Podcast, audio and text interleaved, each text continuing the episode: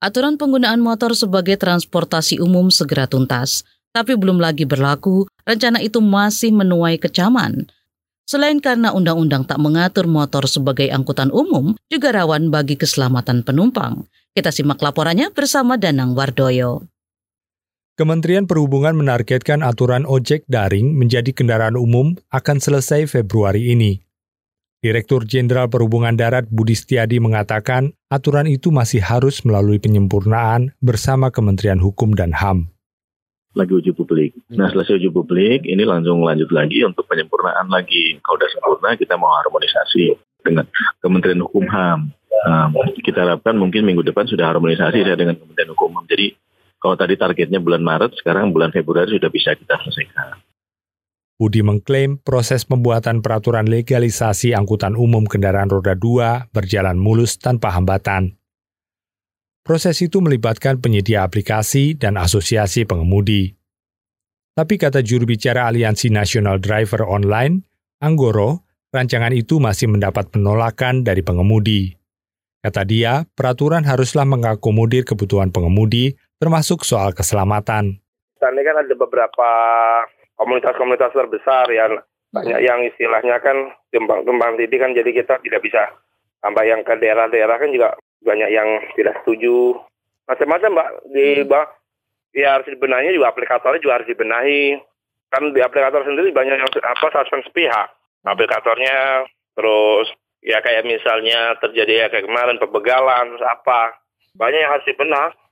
Menurut anggota Komisi Perhubungan DPR, Muhyiddin Muhammad Said, pemerintah harus merevisi Undang-Undang Lalu Lintas terlebih dahulu jika ingin membuat peraturan soal ojek daring sebagai angkutan umum. Revisi undang-undang itu jauh lebih lebih bagus supaya dasar hukumnya lebih kuat. Jadi harus menambah dulu satu kalimat bahwa ojek online itu eh, boleh dikategorikan angkutan umum dan selanjutnya pengaturannya diatur dengan peraturan menteri. Ah, itu jauh lebih bagus. Mudah kok kalau hanya anu perasa itu dia di, di, di, dimasukkan. Muhyiddin mengatakan peraturan yang dibuat tak sesuai dengan undang-undang merupakan pelanggaran. Akhirnya aturan itu rawan gugatan uji materi. Hal senada dikatakan Ketua Organisasi Angkutan Darat DKI Jakarta, Safruhan Sinungan. Kata dia, pemerintah perlu mengkaji kembali aturan tersebut.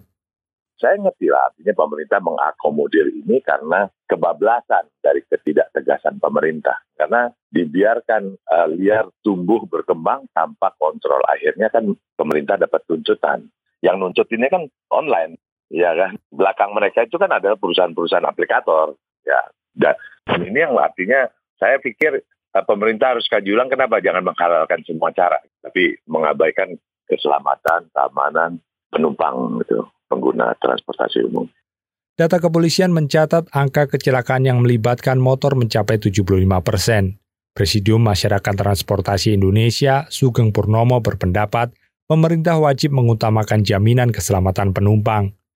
Alasannya, berdasarkan undang-undang, motor bukan termasuk moda transportasi umum. Ketika sebetulnya pemerintah ini kalau memberikan diskresi sekalipun harus bisa menjamin keselamatan itu intinya itu tugas pemerintah. Nah seperti apa jaminannya? Apakah uh, roda dua harus full scale? Full scale itu artinya dengan pakaian kayak pembalap itu kan eh, beda-beda ya akhirnya. Menurut Sugeng, realita di lapangan, ojek sudah menjadi angkutan umum yang memang dibutuhkan masyarakat. Jadi menurutnya, aturan teknis, ketentuan kendaraan yang digunakan, dan peralatan perlindungan semuanya harus diatur dengan detail. Demikian laporan disusun Roni Sitanggang, saya Danang Wardoyo.